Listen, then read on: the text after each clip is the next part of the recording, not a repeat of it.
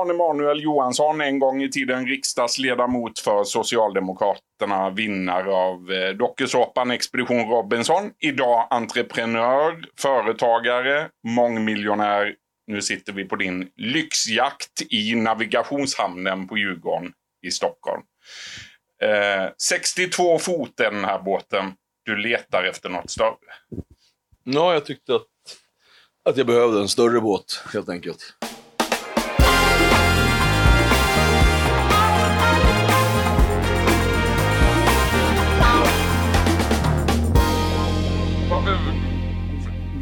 Vad, vad tänker du? 62 fot, räcker inte det här? Ja, alltså, allting får ju stå i proportion till, till annat. Och en väldigt kort anekdot om varför så var det, jag var och tittade på en större båt. Och då säger en, en vän till mig så här, ja men gud vad roligt. Och sen så kommer han på middag hem till mig och säger så vet du vad? jag köpte den där båten ja. Så nu har han en mycket större båt än mig. Och jag är inte större människa än att jag klarar inte av det. Så jag måste ha en större båt än vad han har. Så var det sagt. Du Jan Emanuel Johansson, du har sagt att du har en marxistisk samhällssyn i grunden. Vad betyder det? Det är ganska, ganska enkelt. Att utifrån när du ser på ett samhälle så kan man ju se det och tolka det på olika sätt. Eh, den marxistiska grunden när man analyserar ett samhälle utifrån klass, alltså vilken klass du, du, du tillhör och som du kommer ifrån, som du härstammar ifrån. Det finns extremt naiva personer som tror att det inte påverkar, alltså som bortser ifrån klass när du ska analysera ett samhälle. Det de har gemensamt är att de alltid har haft fel. Så du är marxist? Jag skulle inte säga att jag är marxist utifrån eh, ett klassiskt sätt att se att vara eh, marxist. För det finns en hel del bitar i marxismen som jag inte, eh, vad ska man säga, lutar mig emot. Men däremot grunden eh, av marxismen, det vill säga synen på tolkningen av samhället utifrån klass. Så kan man nog kalla mig för marxist. Det har gått nio år sedan, nu, eh, sedan du sålde ditt välfärdsföretag Svensk Samhällsutveckling. Du gjorde en vinst på närmare en kvarts miljard kronor. Vad sa dina partikamrater om det? Någonting som är lite tråkigt bland, eh, bland sossar, höll jag på att säga, generellt, och nu får man ju generalisera lite grann i efterhand, det är att de har väl lite svårt för att glädjas åt andras framgång. Så det var inte alla som applåderade. Däremot så var det några som var framme och var, och var glada och, och höll jag på att säga, att Anders Borg var framme och tackade, men så kom jag på att han är ju inte riktigt, han är inte partisosse, även om han är rätt mycket sosse. Du har eh, sagt att du gillar att provocera och det är ju alldeles uppenbart att, att du gör det. Men varför? Provokationen är en av de viktigaste ingredienserna om du ska nå fram till människor, om du ska beröra någon överhuvudtaget. Om du tar ett, ett konstverk, hänger upp på en vägg och säger man, där är en gubbe, punkt. Ja, ja, det var ingenting. Ta ett konstverk, exemplifiera, ta den här kommer inte ihåg vad kvinnan hette, men som gjorde en utställning om Jesus, eh, där Jesus var homosexuell. Kan man tycka så, ja, men det gav ju ett enormt eko. Det var så, men vadå, kan han, Jesus var inte bög, varför det, det var jättehemskt, det var, varför det? Men det, så, det, det kanske han var, liksom. men, men det var en provokation. Och helt plötsligt så blev det en, en ganska, så här, ganska platt utställning, blev så här, wow, gav hur mycket som helst. Ska du nå fram och ha någonting att säga, om du inte vågar provocera, ja, då kommer du heller inte varken nå fram och så troligtvis har du ingenting att säga. För någon vecka sedan då var du ute och åkte bil med eh, den moderata riksdagsledamoten Hanif Bali. Vad tycker du om honom? Tycker att det är en klok man. Han är bra. Eh, jag tycker att väldigt många människor väljer, likt de gör hos väldigt många tänkare, eh, att misstolka, att hela tiden försöka missförstå jag brukar säga, eller det här kommer, ska inte jag säga, jag ska inte ta till mig det här, men jag tror att det är en, jag tror att det är en tysk tänkare från början som sa att eh, idioten tittar på fingret på den kloke mannen som pekar. Det betyder ju att om du pekar på någonting, ett problem i samhället, kolla där! Så då tittar idioten på han som pekar och tänker, men varför har du en sån dyr klocka på dig för? Man bara, men kan du kanske ta och skita i klockan och se till vad jag försöker uppmärksamma? Och där har man gett sig på Hanif för att han inte har en god ton. På vilket sätt han informerar om, här har vi ett problem. Och det tycker jag väl är, ja, man kan ju tycka då att problemet är att han har inte en tillräckligt god ton eller så vågar man se till vilka problem han uppmärksammar och pekar på. Och det tycker jag att han ska all cred för att han pekar åt det hållet. Vad tycker du om den moderata partiledningens behandling av honom? Ja, får man säga fega krakar? Det får man göra va? Ja men så är det ju. Precis på samma sätt som Vänsterpartiets ledning är en hoper av fega krakar. Intetsägande, inkompetenta Varför då? Stollar. Varför då? Titta, men de har haft några få riktigt bra riksdagsledamöter. Några som de borde höja till skyarna. Du vet precis vem jag, vem jag pratar om. Eh, Amine förstås. Och då väljer man så här, nej men henne kastar vi ut. För hon, hon, hon gjorde just det, hon pekade på någonting som var på riktigt. Hon var liksom revolutionär på riktigt. Hon stod upp för de svaga på riktigt. Hon hade en historia som var på riktigt. Vad blir de då? Tokrädda och avundsjuka. Och så kommer Hanif, gör exakt samma sak. Han råkar också vara en person som är på riktigt. Kommer ifrån riktiga omständigheter, har varit med om saker och han pekar. Kolla där! Så där borde det inte vara. Alla bara, kolla fingret, kolla på han, han säger det på fel sätt. Tysta honom. Fega och rädda. Det krakar. Amineh Kakabaveh ska vi säga då, eh, riksdagsledamot för Vänsterpartiet tidigare, nu politisk vilde. Du var som sagt en gång i tiden riksdagsledamot för Socialdemokraterna. Du valdes in 2002. Då fick ditt parti 39,9 procent i, i valet.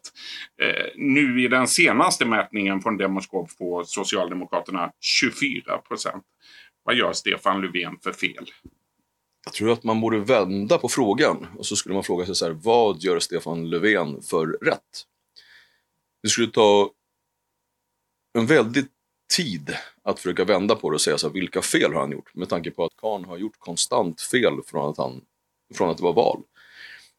Om vi börjar med att säga så här, vi gör en enkel analys ifrån den vanliga medborgarens perspektiv. Om jag säger till dig så här, vet du vad Niklas? Jag lovar dig att om du röstar på mig så ska du få så här. Det här är den politik jag ska föra. Och säger jag så här. Jag ska bara dricka kaffe ur blåa koppar. Och så blir det val. Och sen så bara, ha, ha, ha, Niklas, glöm det. Du får bara röda koppar. Eller du får ingen kopp alls förresten.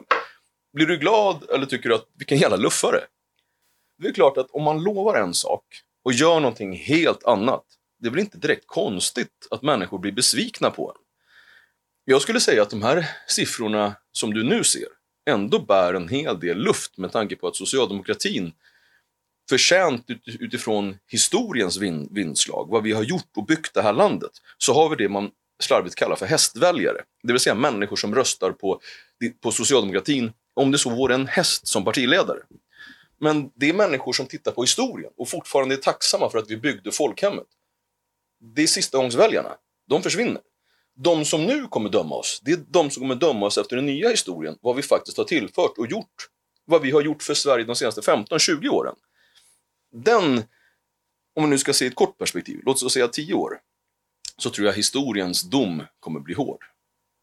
Är du socialdemokrat idag? Jag skulle säga att jag är verkligen socialdemokrat. Jag tror att det är många, många socialdemokrater där ute. Men partiet däremot har på punkt efter punkt slutat vara socialdemokrater. Så du är inte medlem? Nej, jag är inte medlem i, i partiet så som partist. Men däremot så finns jag där som socialdemokrat och väntar på att galenskapen någonstans ska ta slut.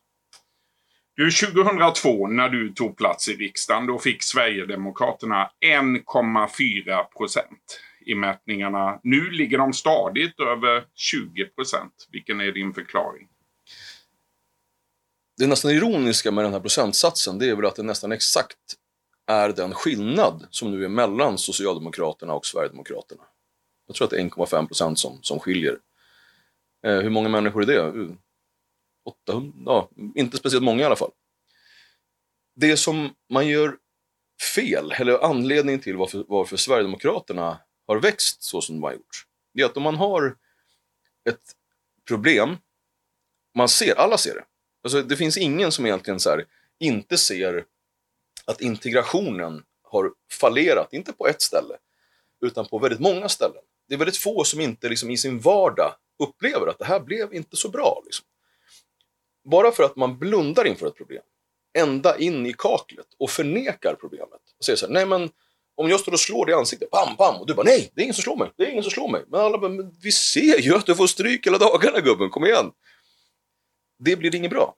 Sverigedemokraterna har på ett väldigt tidigt stadie uh, sagt saker. Alltså, ser ni det här? Uh, alla bara, rasist! Okej, okay. men ser ni det här då? Kommer aldrig hända, du är bara en rasist. Och så råkar det bli så att det som de sa, det föll också in. Och om det kan man ju säga så här, men sitter du och påstår att Sverigedemokraterna är bra eller att de har rätt? Jag säger inte att de är bra. Jag säger att däremot så har de kunnat peka på en hel del problem och föruts, förutspått vad de ska leda till. Och sen är det väl inte så märkligt om ena partiet, eller alla andra partier, står och tokblundar. På sätt och vis till och med ljuger. När ett parti, oavsett, nu kan, om man bortser ifrån, men de tittar på deras historia och tittar på vad de gjort förut. Ja, det kan man göra. Man kan ägna sig åt att bara titta på historien. Och man kan också titta på nuet. De har gjort någonting, de har skapat lite av en folkrörelse. Det som socialdemokratin har varit. De har ju stulit friskt. Det har de gjort. De har snott fråga efter fråga från Socialdemokraterna, klassiska sossefrågor. I samma utsträckning som socialdemokratin har sprungit ifrån sina kärntrupper, kärntrupper och på sätt och vis övergett arbetarklassen drivit upp frågor, så här, gått ifrån att vara det här klassiskt socialdemokratiska till en så här liberalkletigt, så här, tyck synd om minoritetsgrejen före det klassiska sättet att vara och agera socialdemokrat. Vi är inte en, ett parti som tycker synd om och ger allmosor. Vi är ett parti som hjälper människor upp ur träsken, som ser till att de får arbete och skapar ett jämlikt samhälle. Det är socialdemokrati. Och det har vi så här, äh, vi glömde. Liksom. Jan Emanuel eh, Johansson, du har vid flera tillfällen haft Sverigedemokraternas partiledare Jimmy Åkesson ombord på den båten där vi sitter nu. Han har varit här på fest, bland annat under politikerveckan i Almedalen. Stefan Löfven och Socialdemokraterna, de vill inte sitta ner och prata med Sverigedemokraterna överhuvudtaget. Vad tänker du om det? Ja, återigen om man nu ska se liksom, historien visar ju på hur saker och ting går. Och nu har man då försökt att säga, men vi ska låtsas som att först att inte problemen finns och sen ska vi inte låtsas som att de som är det största politiska hotet mot socialdemokratin, kanske i urminnes tider, eh, de, ska inte heller, de finns inte heller. Det är, de struntar vi att Om de kommer med ett förslag så struntar vi om det är bra eller dåligt. Vi tänker bara negligera. Parallellt så försöker man slåss om begreppet vuxen, den, att vara den vuxna i rummet. Och där är liksom den, den posten är ju, är ju hela tiden ledig för att liksom de, de traditionella partierna gör bort sig gång efter annan. Så kontentan, nej men det är klart att det är en fullständig galenskap att tro att man ska kunna låtsas som att den här stora delen av Sveriges befolkning som är så missnöjda, jag skulle säga i grunden sossar, som har övergett partiet, att vi ska, då ska vi säga nej, vi slår undan, vi säger de är, de är, de är rasister, kanske till och med nassar allihopa de där. Alltså, den argumentationen, jag tror att den funkar sådär faktiskt. När träffade du någon från din partiledning senast? För du kallar dig fortfarande socialdemokrat som du säger. Ja, jag, jag sprang ju på en hel del. Jag känner ju de, väldigt många av våra nuvarande ministrar. Och människor som... Vill de ha kontakt med dig? Ja, en del är väldigt kontaktsökande om man, om man pratar och fikar och sådär. Jag tror inte att de hade varit lika sugna och kanske sitta här tillsammans med oss och säga tjena, tjena, det är vi som är sossarna.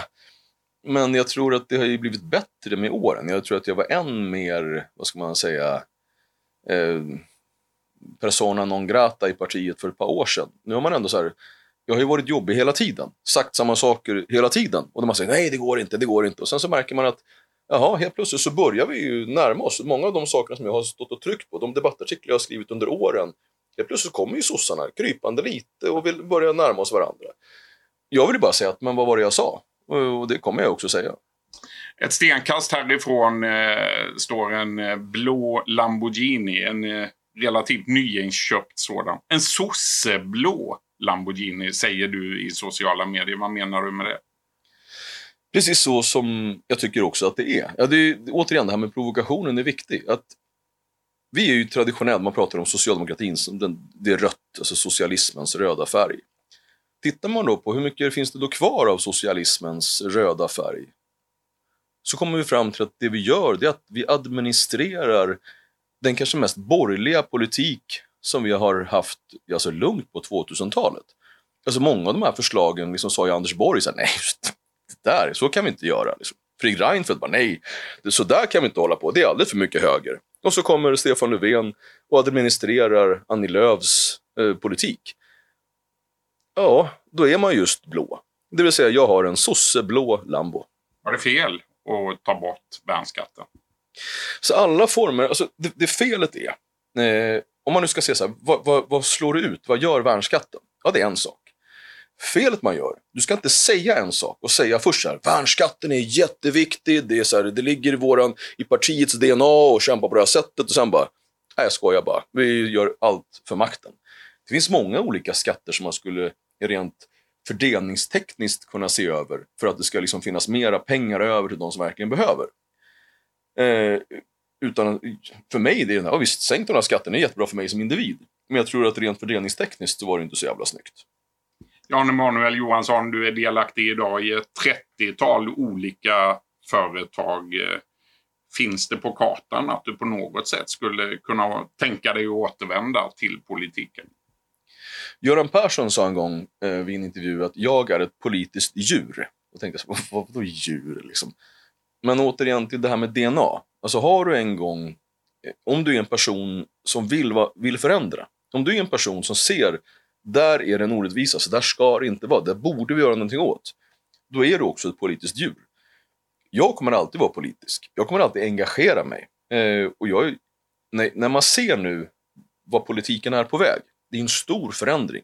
Alltså det kommer ju krävas en helt ny, det man kanske slarvigt kallar en, en populistisk vänster. Den kommer explodera. Alltså ser man åt vilket håll allting går så det kommer ju till en, någonting måste förändras. Jag vill gärna vara en del av det. Eh, sen hur jag är en del av det, det är en annan femma. Inte riksdagen igen va? Riksdagen känns relativt avlägsen med tanke på att det lilla man faktiskt kan göra där. Men eh, att vara delaktig i en förändring, det vill jag vara. I en vänsterförändring? Absolut, i någon form av det man slarvigt kallar den populistiska vänstern. Det som faktiskt kan slå undan fötterna för den lite farliga högern. Och det kan man vara trots att man har hundratals miljoner på banken? Det går alldeles utmärkt att vara den, hur många hundra miljoner man har på banken faktiskt. Tack för det, Jan Emanuel Johansson. Tack själv. Du har lyssnat på en podcast från Expressen. Ansvarig utgivare är Klas Granström. Ett poddtips från Podplay. I fallen jag aldrig glömmer djupdyker Hasse Aro i arbetet bakom några av Sveriges mest uppseendeväckande brottsutredningar går vi in med hemlig telefonavlyssning och, och då upplever vi att vi får en total förändring av hans beteende. Vad är det som händer nu? Vem är det som läcker? Och så säger han att jag är kriminell, jag har varit kriminell i hela mitt liv men att mörda ett barn, där går min gräns. Nya säsongen av Fallen jag aldrig glömmer på Podplay.